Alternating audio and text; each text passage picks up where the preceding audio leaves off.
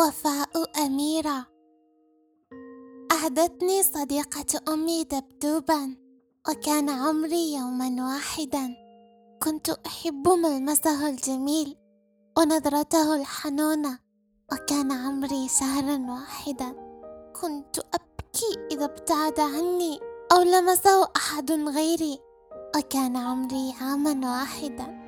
وفي أحد الأيام وقعت العين اليمنى للدبدوب. بكيت كثيرا كثيرا. خاطت جدتي العين في مكانها.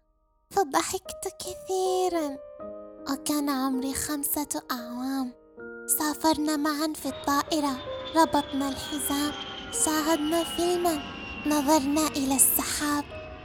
وتخيلناه مثل الأسد أو الدولفين. وكان عمري ستة أعوام. مرت الأيام وأصبح عمري سبعة أعوام. طلبت إلينا المعلمة أن نكتب قصة عن أشياء لها ذكريات جميلة. عدت إلى البيت وجلست في خيمتي. وضعت دبدوبي أمامي ورحت أرسم وأكتب. ثم وضعته في حقيبتي وأخذته إلى المدرسة.